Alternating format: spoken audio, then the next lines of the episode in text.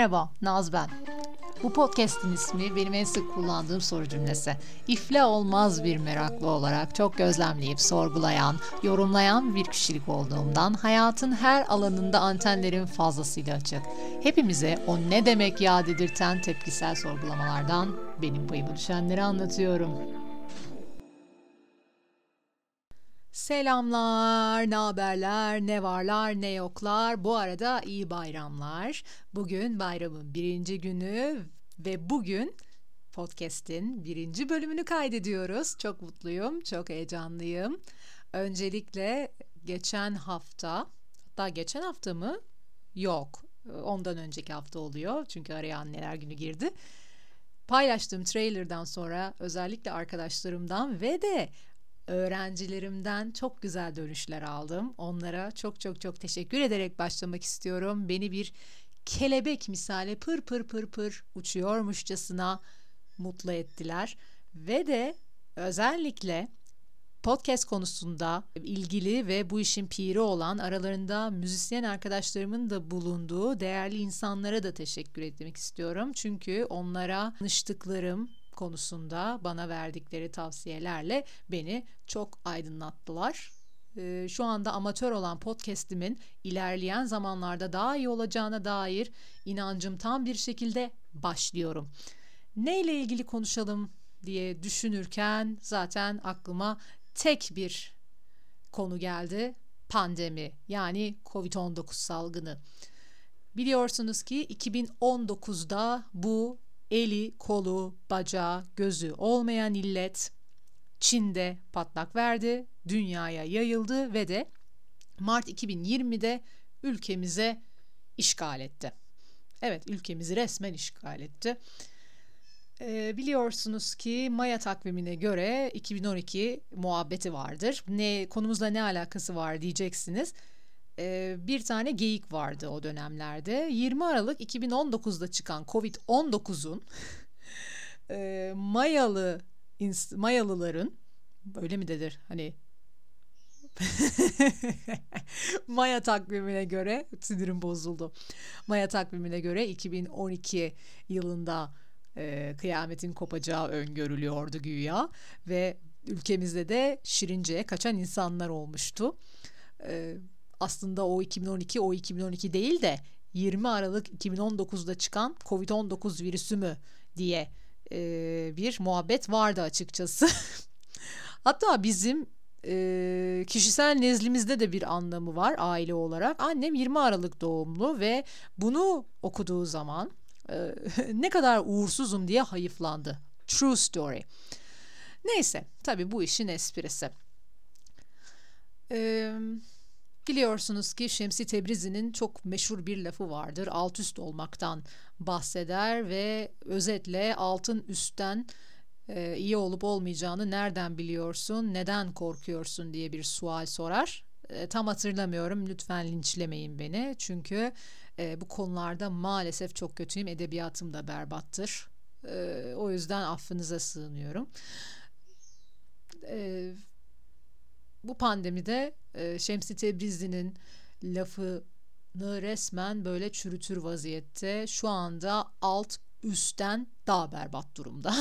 Tabii e, bayağı dünya olarak çok böyle e, ta hem tarihi hem de travmatik bir dönemden geçtiğimizi söyleyebilirim. E, biliyorsunuz ki İsviçreli psikiyatrist Elizabeth Kübler-Ross evet doğru hatırladım. Ölüm ve Ölmek Üzerine bir kitabı vardır ve hast hastalar öldüğünde sevdiklerini kaybeden insanlar üzerinden hangi duygusal aşamalardan geçtiğini anlatır. Biliyorsunuz önce inkar gelir, sonra öfkelenir, pazarlık yapar, depresyon ve en son kabullenme olarak devam eder.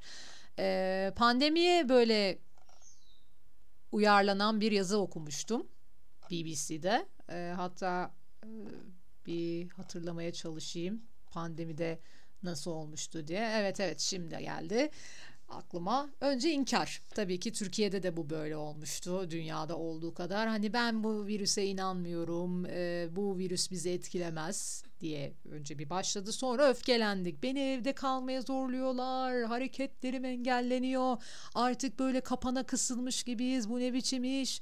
Özellikle de 18-20 yaş aralığındaki öğrencilerimin de şöyle bir öfke patlaması oluyordu. Hocam ben kampüs göremeden üniversite okuyorum bu ne biçim iş ya bize sadece iki saat çıkarıyorlar diye e, hezeyan etmelerine de şahit olmuştum. Haklılar da yani. E, biz 30 yaş üstü olanlar da hani 30. yaş günümüze böyle girmeyi hiçbir şekilde hayal etmemiştik şeklinde hayıflandığımız bir e, evreydi. Sonra bir pazarlık evresi geldi. Türkiye'de bu bayağı e, açıkçası yoğun yaşandı. Önce hastalar mı takacak, hasta olmayan mı takacak maskeyi? Ondan sonra maskeyi taktım, elimi yıkadım, sosyal mesafe yaptım. iki haftada kurtulurum değil mi ya? diye sorguluyorlar. Ondan sonra da ya yok ya ben e, yakın değilim, maskeyi şey yapmıyorum e, burada takıyorum burada takmıyorum ne olacak ki hani şurada taksam ne olur hani mesafe koyduktan sonra maskenin ne önemi var ıttırı ıttırı zıttırı zıttırı diye pazarlık çok ettiler biliyorsunuz. Hani ben nefes alamıyorum da. Ittırı zıttırı. Ardından işte bir üzüntü hasıl oldu. İşte bitmiyor bitmiyor diye. Ardından da kabullendik. Yani e, şahsım olarak bir buçuk yıldır evdeyim. 13 Mart 2020'den beri. E, ardından da ona bile alıştım. Hatta bazen kendimi sorguluyorum yani. Yarın öbür gün metrobüsle işe gitmek durumunda kalsam ne yaparım diye. Hatta böyle e, düşünüyorum da teknoloji falan olmasaydı bu dönem nasıl geçerdi falan diye şuraya bağlanıyor sonuç olarak. bir arkadaşımla da konuşmuştuk bunu. Hani İspanyol gribindeki gibi 1919-20 yıllarında hani sadece mektupla anlaşılan hani mektupla iletişim kurulan bir dönemde olsaydık bu görüntülü konuşmalar vesaire olmasaydı ne yapardık diye çok güzel bir cevap vermişti arkadaşım. Yani insanoğlu her şeye alışan bir varlık. E, aynen öyle. Metrobüse de gitmek durumunda kalsam sanırım daha ilk anda alışırım diye düşünüyorum. Her insanoğlu gibi.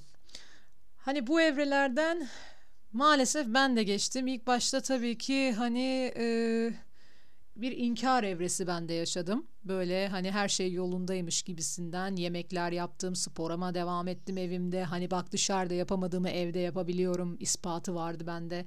Ardından böyle iş monotonluğa geldikten sonra artık beni de bir sıkıntı almaya başladı ve bayağı saldım kendimi.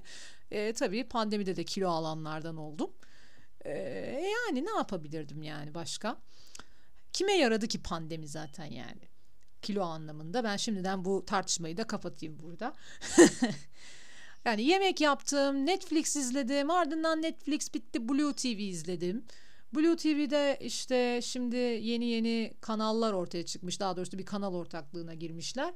Çok fazla kriminal belgesel. Bu aralar onları seyrediyorum ben. Yani şu pandemide kazandığım iki tane olay vardır. Hani benim delirmemi engelleyen. Birincisi e, seri katil, kriminal belgeselleri özellikle de gerçek hikayeler. Çünkü çok seviyorum böyle vakaların araştırılması, ipuçları vesaire. E, Sherlock izliyoruz icabında. Seviyoruz da. Ondan sonra da bir de Friends dizisi. Friends dizisi olmasaydı gerçekten delirirdim diye düşünüyorum. Çünkü bir nevi bunu bir fırsata çevirdim. E, şimdi de bu arada reunion haberini aldım. 27 Mayıs'mış. Allah'ım ağlamıyorum gözüme toz kaçtı.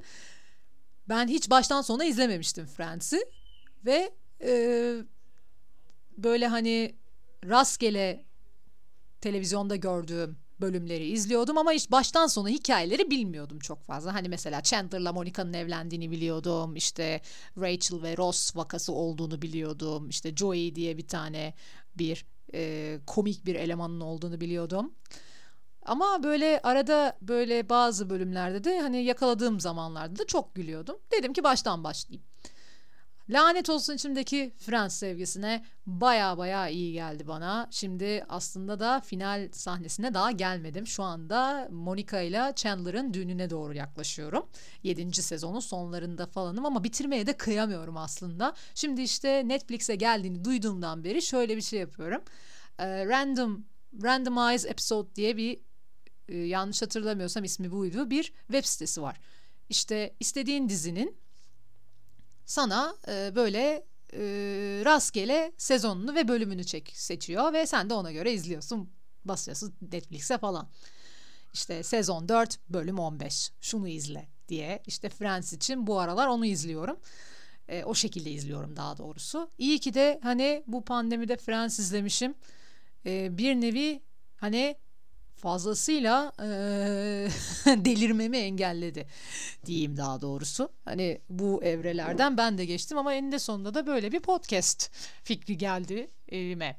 Şimdi tabii e, bu pandemide bir de hani kendim yapıyorum diye demeyeyim ama hani aa niye havaya girdiysem tövbe tövbe.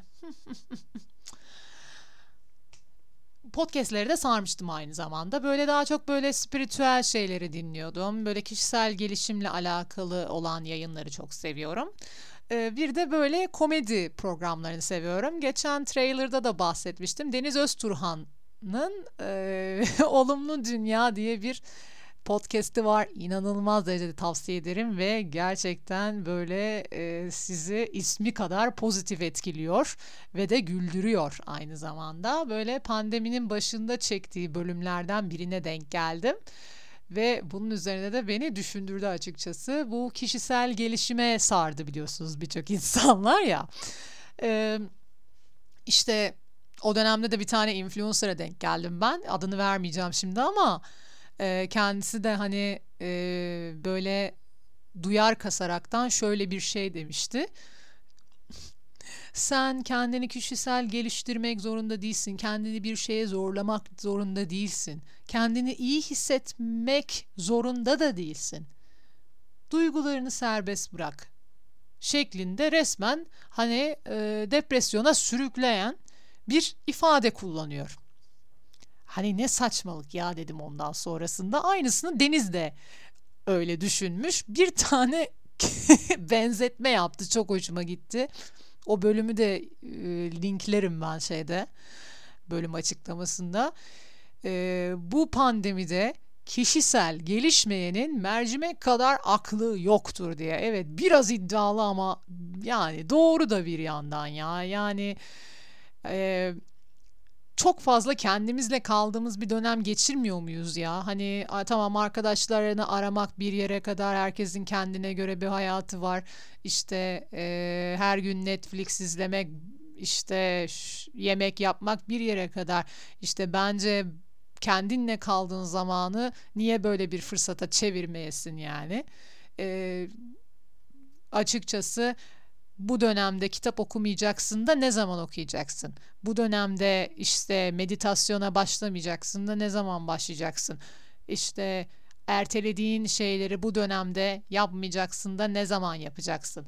Hani bu konuda daha tatminkar bir etkisi olduğunu düşünüyorum şahsen. Yani ben e, sürekli aman da pandemi, aman da iş diye e, hayıflanırken ardından da işte bak bir bakmışsın pandemi bitecek ve ah şu pandemide neler yapardım neler ama ben pandemide şunları da yapamadım diye e, hayıflanmaya doğru gideceksem hani bu bir zaman kaybı yani. İnsanoğlu gerçekten de çok fazla e, hayıflanan dediğim gibi bu kaçıncı söyleyişim bilmiyorum ama gerçekten buna çıkıyor.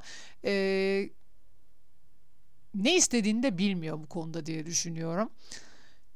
Hani pandemi yokken de vakti vaktim yok yapmaya vaktim yok dediğimiz şeyleri bu dönemde de yapamıyor olmak bence çok büyük bir çelişki. Çünkü bundan başka vaktimiz olmayacak. Hani biliyorum şu anda hani herkes bizim gibi online çalışmıyor ya da e, işe gidip gelenler var. Buna da saygım sonsuz ama mesela evde kalanlar olarak hani bunu kendimize bir fırsat olarak çevirebiliriz diye düşünüyorum. Birazcık kendimize dönerek, biraz e, nasıl söyleyeyim, kendimizle de yüzleşerek geçirsek aslında her şey daha güzel bile olabilir ya. Ben bu pandemide mesela çok düşüncelerimle karşı karşıya kaldım. Çok kendimle kaldım. Çok kendimi eleştirme dönemim oldu. Bunun tabii eminim böyle yaşayan çok olmuştur.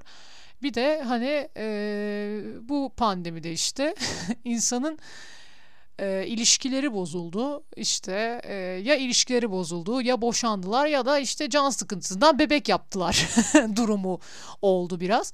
Ama en önemlisi insanın kendiyle ilişkisini tekrardan güçlendireceği bir dönem olabilirdi bu yani. Bence kişisel gelişimden kasıt bu olmalı. İnsanların kendini biraz daha tarttığı, kendine biraz daha döndüğü bir dönem olarak değerlendirmesi bence hani bu krizi fırsata çevirmek diye adlandırılabilirdi aslında. İşte bu da geçecek. Bu da bir şekilde geçecek. Ee, ama bunu da yaşayacağımız varmış. Yani ben artık mesela ilk evrelerdeki gibi çok fazla haber seyretmiyorum. İşte Almanya'dan bir arkadaşım benden daha fazla takip ediyor. Bana e, WhatsApp'tan yolluyor. İşte e, o bana yetiyor da artıyor bile. Çünkü artık gerçekten e, haber dinlemenin hiçbir şeyi değiştirmeyeceğini fark ediyorsun. Öncelikle tabii pandeminin başında bizler bunu haber dinledikçe bir şeyler öğrenirim, kendimi daha iyi hissederim hissi vardı. Ondan sonrasında bu tabii ki kayboldu. Artık belirsizlik olduktan sonra bu belirsiz girdap içerisinde bir hayatta kalma mücadelesine dönüşmeye başladı. Ben şu anda tabii kendim adıma şikayetçi değilim ama şöyle e, biraz empat empat mı deniyor? Empatetik İngilizcesi de empat diye bahsediyorlar galiba. Mesela o kadar sinirlerim bozulmuştu ki böyle kargo geldiği zaman Allah bu çocuklara yardım etsin. İşte bu çalışanlar ne yapıyorlar işte e, şimdi bu aşı muhabbeti de çıkınca ilk bunlar aşılanmalı falan diye böyle yürekten üzülüyorum falan böyle hala o var bende mesela. Bu düşünce girdabında da kayboluyorsun bir yandan sonra işte ben de bu dertlerimi de anlatmak için bu podcast yapmaya karar verdim. bir yandan da tabii işin esprisini de yapmaktı amacım. Evet durumlar bundan ibaret anlayacağınız. Şimdilik Benden bu kadar. Bu pandemi döneminde en güzel temenni olduğunu düşünüyorum. Kendinize çok iyi bakın. Haftaya yeni bölümde görüşmek üzere. Bay bay.